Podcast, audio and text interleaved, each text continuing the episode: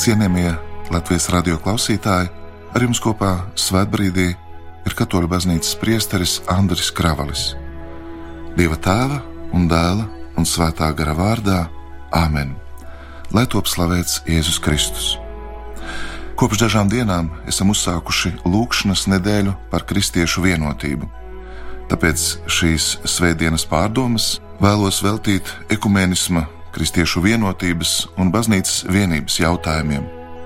Īpaši tas kļūst aktuāli atzīmējot 500. gada dienu kopš reformācijas sākuma gaidāmo svētā tēva Romas biskupa Franciska Baltijas valstu apmeklējumu, kā arī svinot mūsu Latvijas valsts simtgades svinības.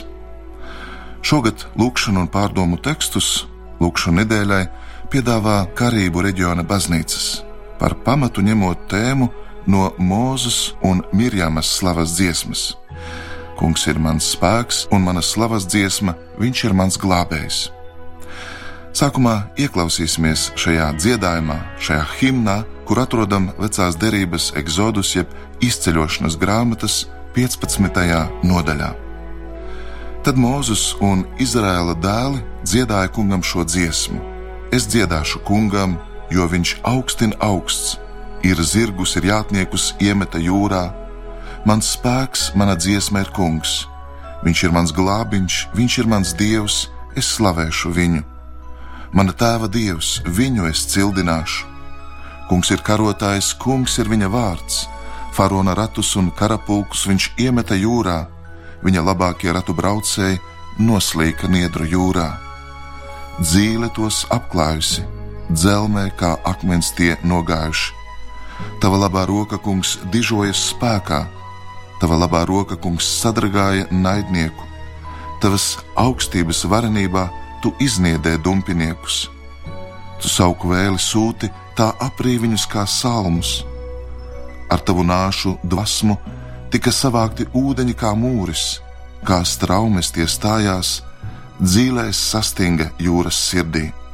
Naidnieks teica: Es dzīšos, es pievarēšu, dalīšu laupījumu, ko kāroju, dabūšu, izraušu savu zobenu, ar savu roku tos iznīdēšu. Tu uzpūti savu dvašu, viņus apklāja jūra, kā svins, tie nogrima dziļajos ūdeņos. Kas ir kā tu starp dieviem, kungs, kas ir kā tu augsts svētumā, bijām slavā, kas dara brīnumus? Tu izstiepi savu roku, viņus aprija zeme kungs lai valda mūžam un vēl. Kad faraona zirdi, rati un jātnieki nonāca jūrā, kungs lika, lai pār tiem nāk jūras ūdeņi, bet Izraēla dēli izgāja cauri jūru pa sausu zemi. Tad pravieta Mirjāma, Arona māsa, ņēma rokā bungas, un visas sievietes devās tai pakaļ, bungodamas un diedamas. Un Mirjāma tām teica: Dziediet kungam, jo viņš augstina augsts, ir zirgus, ir jātniekus iemeta jūrā. Tie ir svēto rakstu vārdi.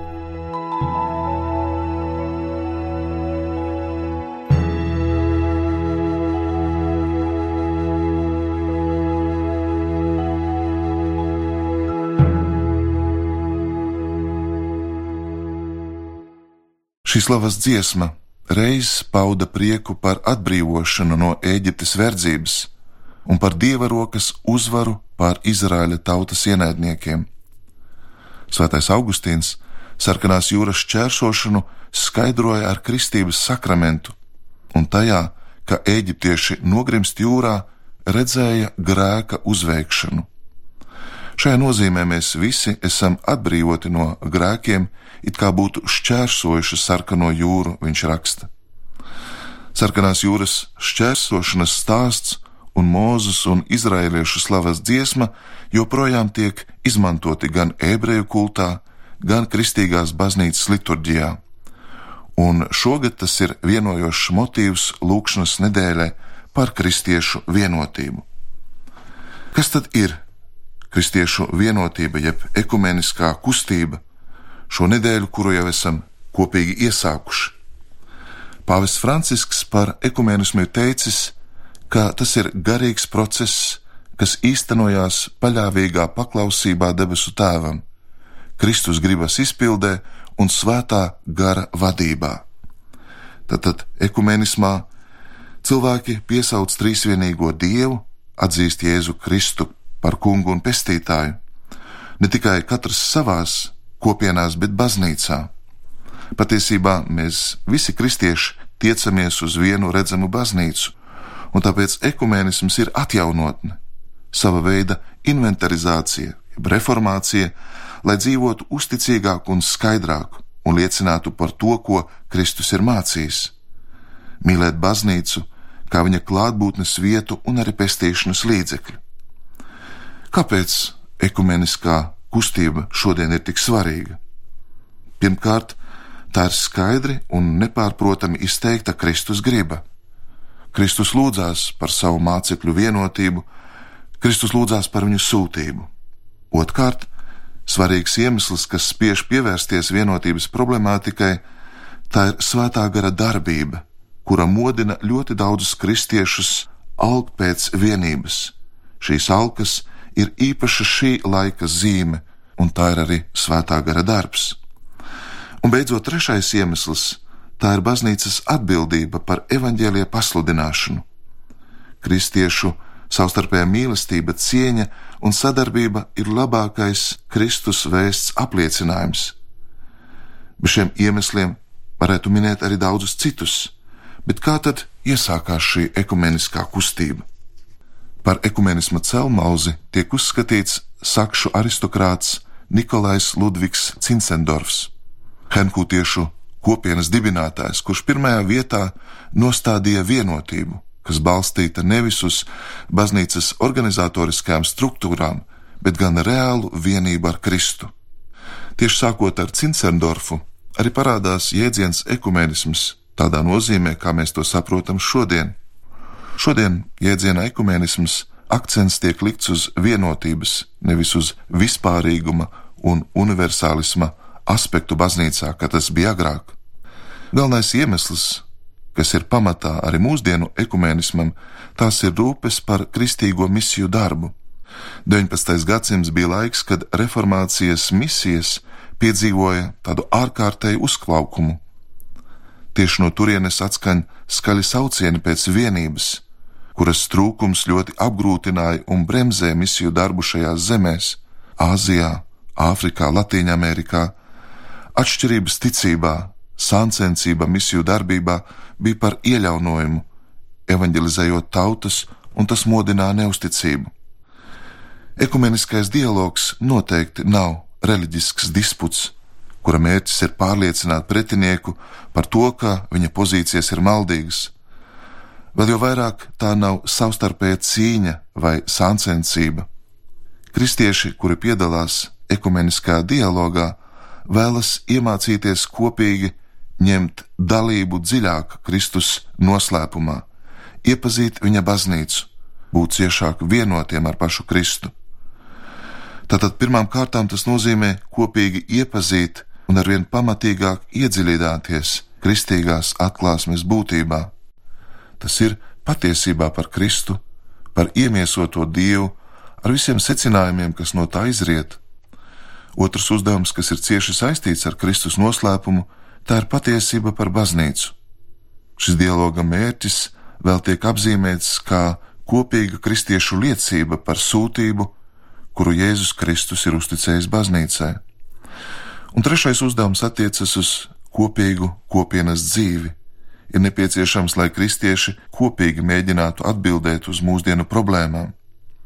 Baznīcai ir nepieciešams atvērties uz kristīgām vērtībām, kas atrodamas arī citās kristīgās kopienās.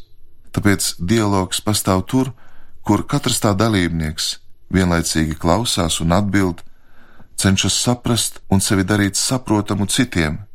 Viņš jautā un ļauj sev uzdot jautājumus varētu padomāt, kādi tad ir šie dialoga principi, kas ir nozīmīgi un svarīgi ne tikai ekumenismā, bet vispār, ja mēs vēlamies būt ciešākā dialogā, tad eh, tāda ekumeniska dialoga harta varētu sastāvēt no šādiem principiem. Sākt ar to, kas šķir vismazāk, kas ir kopējs un apusēji pieņemams. Dialogs norises labāk intimitātē un draudzīgā atmosfērā Mēs arī dialogā piefiksējam sasniegto, mēs meklējam sadarbību un sniedzam ārēju savstarpēju mīlestības liecību. Mēs izturamies šajā dialogā kā līdzīgs pret līdzīgu. Mēs arī izšķiram argumentāciju no skaitliskuma, mēs ieklausāmies ar labvēlību, mēs cenšamies gūt kopīgu pieredzi.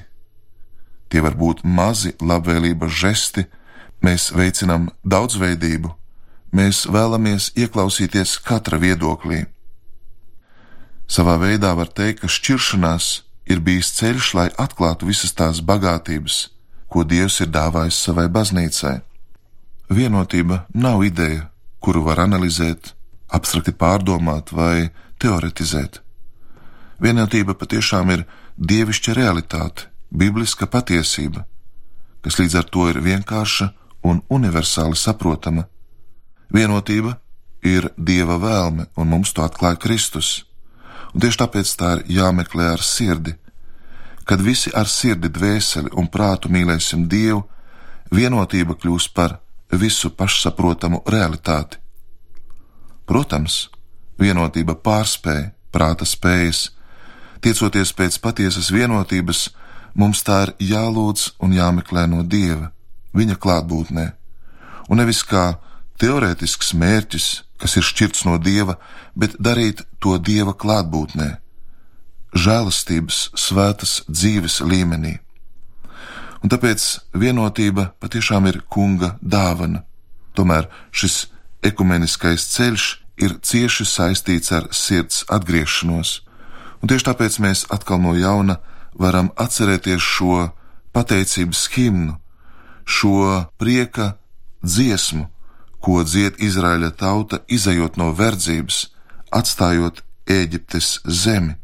Tāpēc apzināsimies, ka vienotība ir kunga dāvana. Tas ir viens no ļoti būtiskiem, svarīgiem ekumenisma aspektiem. Tāpēc esam aicināti jau pateikties par to vienotību, kas ir mūsu vidū, mūsu tautā, mūsu draudzēs. Šis vienotības jautājums skar arī ģimenes. Otrs aspekts par eh, kristiešu vienotības meklējumiem ir cieši saistīts ar cilvēka brīvību. Svēta raksta runā arī par cilvēka paklausību kunga pavēlēm, par uzticību derībai, un lai kristieši tuvotos vienotībai, ļoti būtiska ir katra cilvēka personīgās sirds atgriešanās, uzticība kunga balsī. Ik viens cilvēks ir aicināts atjaunoties savā garā, prast atteikties no sevis, nesautīgi mīlēt. Lūkšanu nedēļa par kristiešu vienotību ir aicinājums un īpaša iespēja ar visu sirdi no jauna pievērsties kungam, atjaunot saskaņu ar saviem brāļiem un māsām. Kādi varētu būt šie kristiešu vienotības nedēļu centieni un pamudinājumi? Varbūt paņemsim kādu no tiem.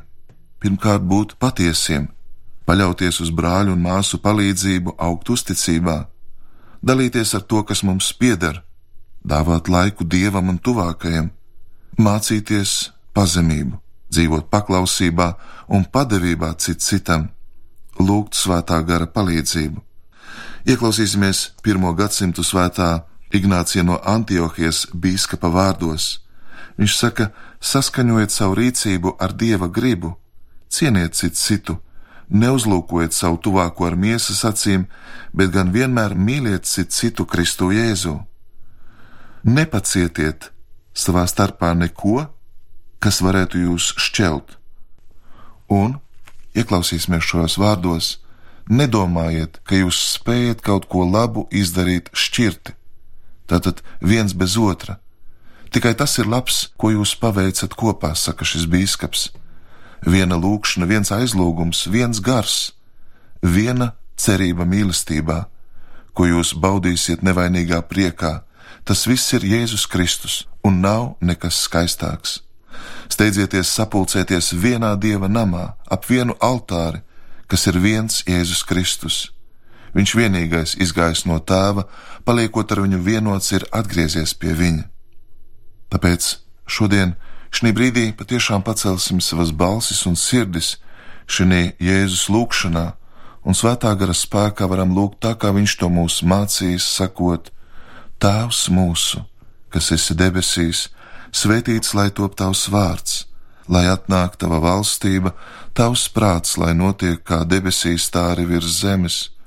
Mūsu dienascho maizi dod mums šodien, un piedod mums mūsu parādus, kā arī mēs piedodam saviem parādniekiem, un neieved mūsu kārdināšanā, bet atpestī mūs no ļauna, jo tev pieder valstība, spēks un gods mūžīgi mūžos. Āmen! Un arī Marija, kunga māte, palīdz mums iet šo pazemības un kunga kalpošanas ceļu, kā viņa to ir izcilā veidā gājusi. Lūksimies!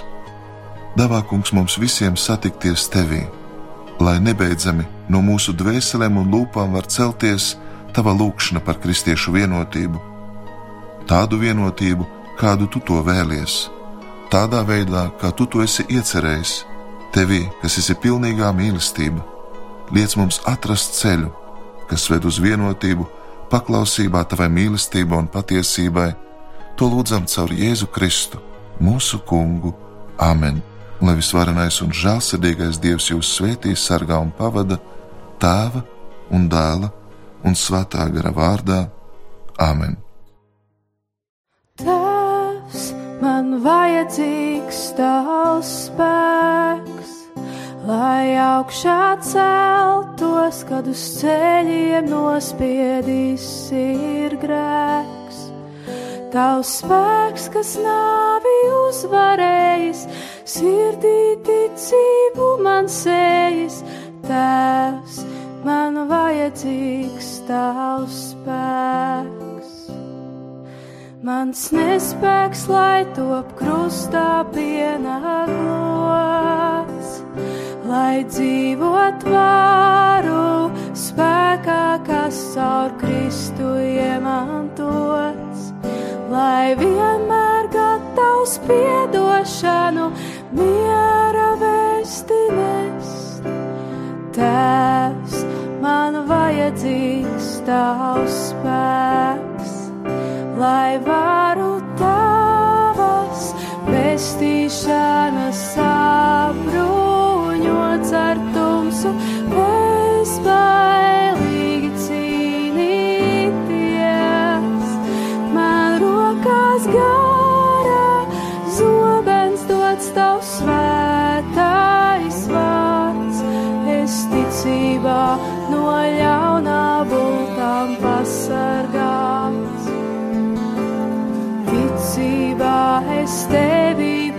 pasargās. Tēvs, paldies, ka pieder man tavs spēks, lai arī tā celtos